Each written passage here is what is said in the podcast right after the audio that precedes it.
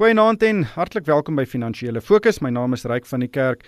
My gaste vanaand uit die Kaap gesels, Jaco van Tonder. Hy is direkteur van adviesdienste by Investec Batebestuur. Goeienaand Jaco.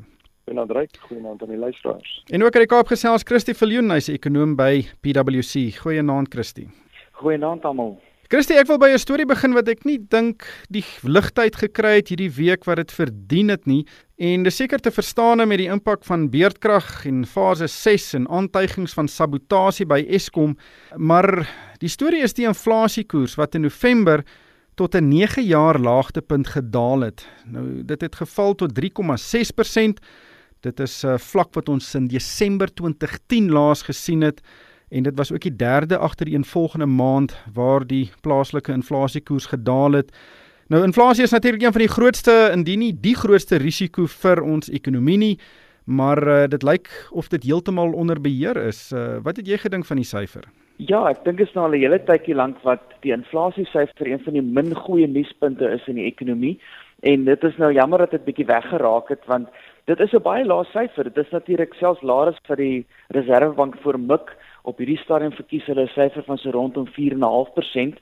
Nou ons was onder 4% gewees met die nuutste syfer en dit kan kan met die laaste maand van van die jaar Desember maand se data wat nog nie uitgekom het nie kan ons dit dalk weer sien. So ek is oor die algemeen baie positief oor hierdie syfer. Dis natuurlik iets wat vir ons 'n goeie sein stuur oor wat ons kan dink oor rentekoerse volgende jaar. Die Reserwebank het in November gesê daar's ruimte vir 'n bietjie van 'n sny in die rentekoers, miskien so een keer, maar ek dink selfs hulle sal verbaas wees met hoe laag hierdie syfer nou gedraai het. Dit sou natuurlik beteken dat in Januarie maand hulle dalk selfs hulle vooruitskattinge kan afwaarts aanpas en dat die kanse vir een rentekoers sny miskien dalk twee word. Gegee hoe swak hierdie ekonomie op hierdie stadium is, dink ek is dit net nog 'n argument ten gunste van 'n verdere verlaging in die rentekoers. So dit is vir my baie goeie nuus vir al dat ons nou hierso so aan die einde van die jaar kom en mense gaan met vakansie. Jy wil darm so 'n bietjie goeie nuus hê waaroor jy kan gesels rondom die braaivleisvuur. Uh, vir alles Eskom vir jou in die steek laat, dan moet jy maar die vuur aansteek. Is dit 'n geval van laer is beter? Dit is natuurlik 'n geval van ja, laer is beter, maar net tot op 'n punt. So ons moet ook nou onthou die Reserwebank se se teiken is so amptelike teiken is 3 tot 6%. Nou dit is wonderlik om te dink maar wat van ons het 0% inflasie. Maar dit werk nie. En ons het gesien jare terug in Japan waar inflasie basies niks was nie. Ons sien dit nou in Europese lande, Noord-Amerika. As inflasie niks is nie of bitterlik laag, het ek en jy en almal wat winkel toe gaan eintlik 'n baie klein insentief om groot items te koop. Want as ek weer die prys gaan volgende nog dieselfde wees, dan gaan ek eers 'n bietjie terughang en wag. Veral nou dat Black Friday verby is, mense wat dalk nou nie 'n groot televisie gekoop het nie, as ek nou weer die prys van volgende jaar dieselfde wees, gaan ek hom nie dadelik koop nie, maar as ek weet inflasie is 'n faktor, dan gaan ek my geld spandeer en geld spandeer is hoe ons die ekonomie aan die gang hou. In Suid-Afrika is ons ekonomie baie afhanklik van die verbruiker, baie afhanklik van geldspandering. So ja, lae inflasie is goed, maar as hy te laag gaan, dan begin dit 'n probleem raak. So ons moet net so eers in ons agterkop dophou dat hierdie inflasie syfer van 3.7% kom nou baie naby aan die onderpunt van die Reserwebank se inflasie teiken. Dit beteken nou nie vir ons enigstens dat hulle nou um, drastiese stappe geneem om iets aan te doen nie, maar in 'n gesonde ekonomie kan jy nie inflasie wat te laag is nie. En ons heelwat kommentators wat nou begin praat oor hierdie kwessie van inflasie wat nou kom ons noem dit nou struktureel verlaag het. Ons was vir baie lank was inflasie gemiddeld so tussen die 5.5 6%. Nou is ons by 4.5 4% en dit is ook 'n teken van 'n baie swak ekonomie, 'n sukkelende verbruiker, lae verbruikersentiment. So daar's 'n bietjie van 'n knippie sout saam met daai goeie syfer. Ons moet oppas dat hierdie syfer nie te laag gaan nie, want dan is dit amper net nog 'n uh, ek wil amper sê 'n klap in die gesig van die van die verbruiker. Jaco, jou siening? Ryk ek ek dink dit is 'n tweesnydende swaard. Ek bedoel daar's baie ekonome deesdae wat voorhou dat veral ontwikkelende lande eintlik struktureel hoër inflasiesyfers moet hê as ontwikkelde lande. Met ander woorde, ons moenie onsself vergelyk met die VS of Europa wat hulle na kyk nie. Ons moet 'n hoër strukturele inflasiesyfer hê want inflasie is eintlik goed vir 'n groeiende ekonomie. As dit is soos bloeddruk in 'n pasiënt. As dit moenie te hoog wees nie, dit moenie te laag wees nie gesonde bloeddruk, 'n gesonde vlak van inflasie is 'n aanduiding dat die sirkulasiestelsel in die ekonomie gesond en aan die gang is, dat jy 'n goeie balans het tussen die twee kante van die kopers en die verkoperkant van die mark, wat beteken jy het gesonde prysvasstelling wat in die ekonomie gebeur. Dis maar net al die komponente van 'n uh, ekonomie funksioneer goed as jy as jy 'n matige vlak van inflasie het, maar hy moenie te hoog wees en hy moenie te laag wees nie. Die tweede punt wat ek dink vir my uitstaan hier is die feit dat die inflasiesyfer deurlopend aan die onderkant verras en almal word verras. Nie net die vooruitskattinge van die private sektor, die die vooruitskattinge van die Reserwebank almal is besig om inflasie in Suid-Afrika te oorskat en die boodskap wat ek daarin lees is dat die strukturele uh, uh, probleme in die SA ekonomie is dalk nog moontlik groter as wat ons voorstellingsmodelle vir ons wys wat my bekommerd maak oor die voorspellings vir ekonomiese groei vir volgende jaar en die jaar daarna want gewoonlik is inflasie maar 'n funksie van ekonomiese groei in 'n gesonde ekonomie.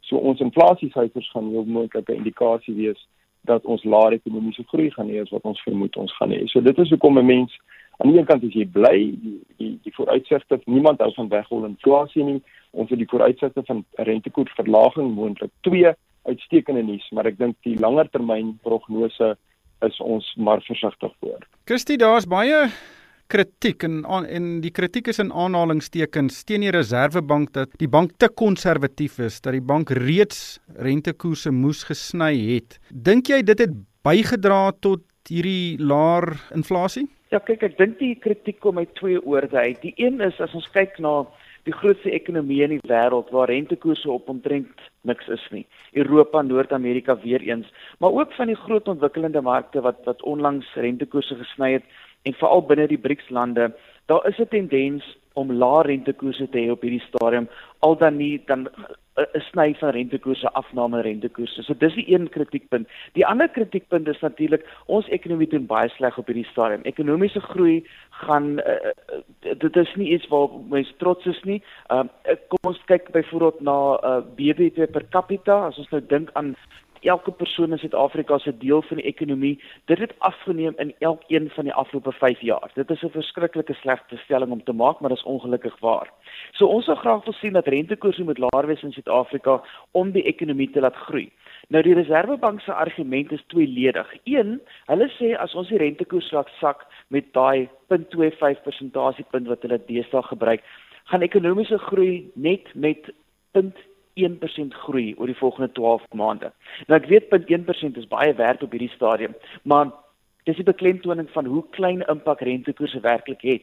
Die ander kant van hulle argument is dat Suid-Afrika se groeiprobleme is nie gebaseer op rentekoers nie. Dit is gebaseer op strukturele probleme wat ons net nie oplos en net nie effektief aanspreek nie. In 'n woord Eskom. Daar's baie van daai woorde, ons 'n lang lys wat ons kan maak, maar Eskom is 'n voorbeeld van iets wat die ekonomie drasties terughou. Nou, lae rentekoerse gaan niks doen aan die Eskom situasie nie. So dit is die die konteks waarin dit gebeur. Persoonlik dink ek ons kan doen met bietjie lae rentekoerse. Ons rentekoers op die stadium is aansienlik hoër as byvoorbeeld die in die in in die FSA. Uh ons kyk gereeld as 'n standaard wisselkoers in Suid-Afrika na die rand-dollar wisselkoers. Dit word sterklik sterk bepaal deur faktore soos inflasie, rentekoerse, daai tipe item. As ons rentekoerse verlaag in Suid-Afrika, gaan ons nie regtig 'n drastiese verswakking in die rand sien op hierdie stadium nie. Ek dink die hoofrede hoekom die Reserwebank op hierdie stadium dalk te konservatief is, is die risiko dat ons volgende jaar nog afgradering sal sien in die regering se se skuldgradering. Nou wat dit basies beteken is dat as Moody's 'n uh, uh, afgradering doen, kan ons 'n klomp geld sien wat uit die land uitvloei uit die kapitaalmark uit. So wat die Reserwebank tans doen met ons, kom ons noem dit hoë rentekoerse, as mens daai argument volg, hulle is besig om ons plaaslike kapitaalmark meer aanloklik te hou vir beleggers. Ons kan nie die risiko vat dat beleggers ons kapitaalmark verlaat weens rentekoers uh, wat nie goed genoeg is vir hulle nie. So ek sou dink dit is die die belangrikste rede hoekom hulle konservatief is plus basies hulle argument dat ons groei word teruggehou deur faktore wat buite die Reserwebank se beheer is. Jaco, ek dink daai is die algemene siening. Maar baie beleggingsbestuurders of buitelandse beleggers kan mos nou sien wat hier gebeur of hulle nou die uitgang van die tonnel sien of 'n lig aan die einde van die tonnel Wat dink jy gaan gebeur volgende jaar met die begroting as ons nou hoor hoe diep is die fiskale gat waarin Suid-Afrika is? en Moody's gradeer ons nou finaal af uh, soos wat die verwagting grootliks is. Dink jy dit gaan so 'n groot impak hê op die ekonomie? Ryk, die persoon wat my jare gelede die basiese beginsels van beleggings geleer het, uh, het vir my eendag gesê dat die slimste mark wat jy kry is die kapitaalmark. Die kapitaalmark weet wat gebeur, wat is op pad en prys daardie insidente reeds in lank voordat die finale bewegings en aankondigings wel gemaak word. So as ek as ek daardie stelling kan kan gebruik, wil ek eintlik al sê my aanvanklike kommentaar sal wees dat 'n groot klomp van Suid-Afrika se se onmiddellike 12 tot 18 maande finansiële toekoms reeds ingeprys in ons kapitaalmarkte in kyk daar gaan kapitaal uit die land uit moet vloei. Daar's mos maar mense wat wetenskap bevat. So die diegene wat ongemaklik voel met die risiko in Suid-Afrika se geld is reeds uit en daai impak is reeds in die prys van die Suid-Afrikaanse vaste rente instrumente uh in die kapitaalmarkte. Maar daar is nog mense wat geld in die land het wat sê luister, ons risikoprofiel laat ons toe om geld in die land te hou. Ons gaan die geld letterlik daar hou totdat Suid-Afrika afgegradeer word en ons geforseer word omdat Suid-Afrika dan uit sekere van hierdie groot uh kapitaalmarkindekse uitval en ons word dan forceer om te verkoop. Ons sal op daai stadium probeer verkoop of kortliks voor dit. Dis bitter moeilik om die impak daarvan te voorspel. Dit gaan 'n impak wees, maar ek dink dit gaan katastrofies wees nie want 'n groot gedeelte van die geld begin hulle self reeds posisioneer vir die veranderinge wat volgende jaar gaan gebeur. Kyk, die grootste probleem bly Eskom ryk en en Eskom, ek wil ons ons gesels nie oor die ekonomiese impak van Eskom as gevolg van die gebrek aan kragvoorsiening nie, maar kom ons praat nou net vir 'n oomblik oor die oor die kapitaalimpak daarvan. Uh, dit is 'n enorme gedeelte van volgende jaar se begroting. Op die einde van die dag, die geld wat gaan spandeer word om Eskom reg te ruk, is geld wat uit die staatskas uit gaan kom. En wat ons basies in die begrotingsrede volgende jaar gaan sien, gaan eintlik maar 'n indikasie wees van hoe die staat beplan om daardie geld in te samel. Watter gedeelte gaan van waar af kom? Die feit dat die geld gespandeer gaan moet word aan Eskom is 'n gegeewe. Die feit dat dit 'n dramatiese hoeveelheid geld is, is 'n gegeewe. Die vraag is hoe gaan ons dit finansier? En ek dink dit is eintlik maar die laaste gedeelte van die prentjie wat ons volgende jaar gaan sien en dit kan moontlik dan lei tot verdere aksies van die internasionale beleggers. Die internasionale beleggers het hulle oor op die grond, hoor. Hulle hulle weet wat aangaan in die binnekringe van die groot lande waar waar hulle redelike groot kapitaalblootstelling het. So mense sal daai bewegings voor die tyd begin sien in die kapitaalmark. Christie, kom ons gesels oor die impak van beerdkrag op die ekonomie. Ons het hierdie week uh, op een stadium fase 6 'n beerdkrag gesien wat eintlik 'n absolute krisisfase is. Is 'n krisisvlak vir Suid-Afrika. Van die myne moes skofte opskort en 'n maatskappy soos uh, Impala Platinum sê as hy een skof moet opskort kos dit die maatskappy 100 miljoen rand. Dis groot geld waarvan ons hier praat. Dit is 'n groot impak op die ekonomie. Dink jy dit kan dalk die groeikoers in die 4de kwartaal in die rooi druk sodat ons tegnies in resessie is? Eh, dis 'n vraag wat ek die afgelope paar dae baie gekry het. Ehm um, daai bekommernis dat ons weer in 'n resessie gaan inval. Die derde kwartaal se BBP syfer was negatief en ons almal onthou die eerste kwartaal wat negatief was breedweg omdat Eskom soveel uh elektrisiteit uit die stelsel moes uithaal. Uh daar's daar's 'n 'n breë konsensus dat dit die groot rede was vir die eerste kwartaal se afname. So nou is ons bekommerd wat gebeur in die vierde kwartaal.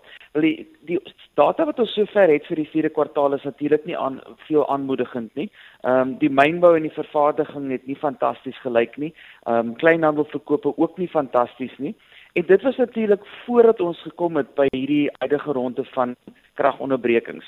Nou daar's baie syfers wat wat mense kan opsoek op die internet oor presies wat is die impak van hierdie elektrisiteitsprobleme op die ekonomie. Jy kan somme vind van 1 miljard, 2 miljard hange van wat se vlak die die ontwrigting is. Ehm um, ons het nou vlak 6 getref die ander dag wat soos jy sê ongehoord was. Uh dit is regtig waar kommerwekkend. Myne fabrieke klomp van hierdie moes terugsny met hulle produksie. Daar's gevalle gewees waar Eskom gevra het dat daar teruggesny word.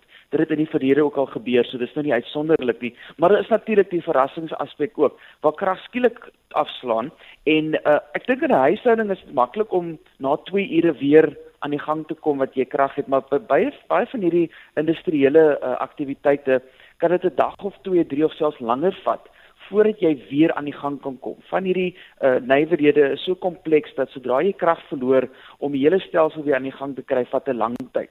Nou, een dag, twee dag, dit klink nie of dit veel is nie, maar een dag is omtrent om en by 1% van 'n kwartaal se produktiwiteit. Kom ons dink so daaraan. So elke dag wat jy stil staan, wat jy kon produseer, het jy daai 1% wat jy verloor wat jy nou moet opmaak. En industriële produksie is reeds agter hierdie jaar van waar ons sou wees hierdie tyd omdat ons reeds so baie kragonderbrekings gehad het. So ek dink persoonlik daar's 'n hele paar myne en fabrieke wat sou hierdie afgelope week 'n laaste poging wil aanwend om produksie vir die jaar op 'n goeie noot te eindig.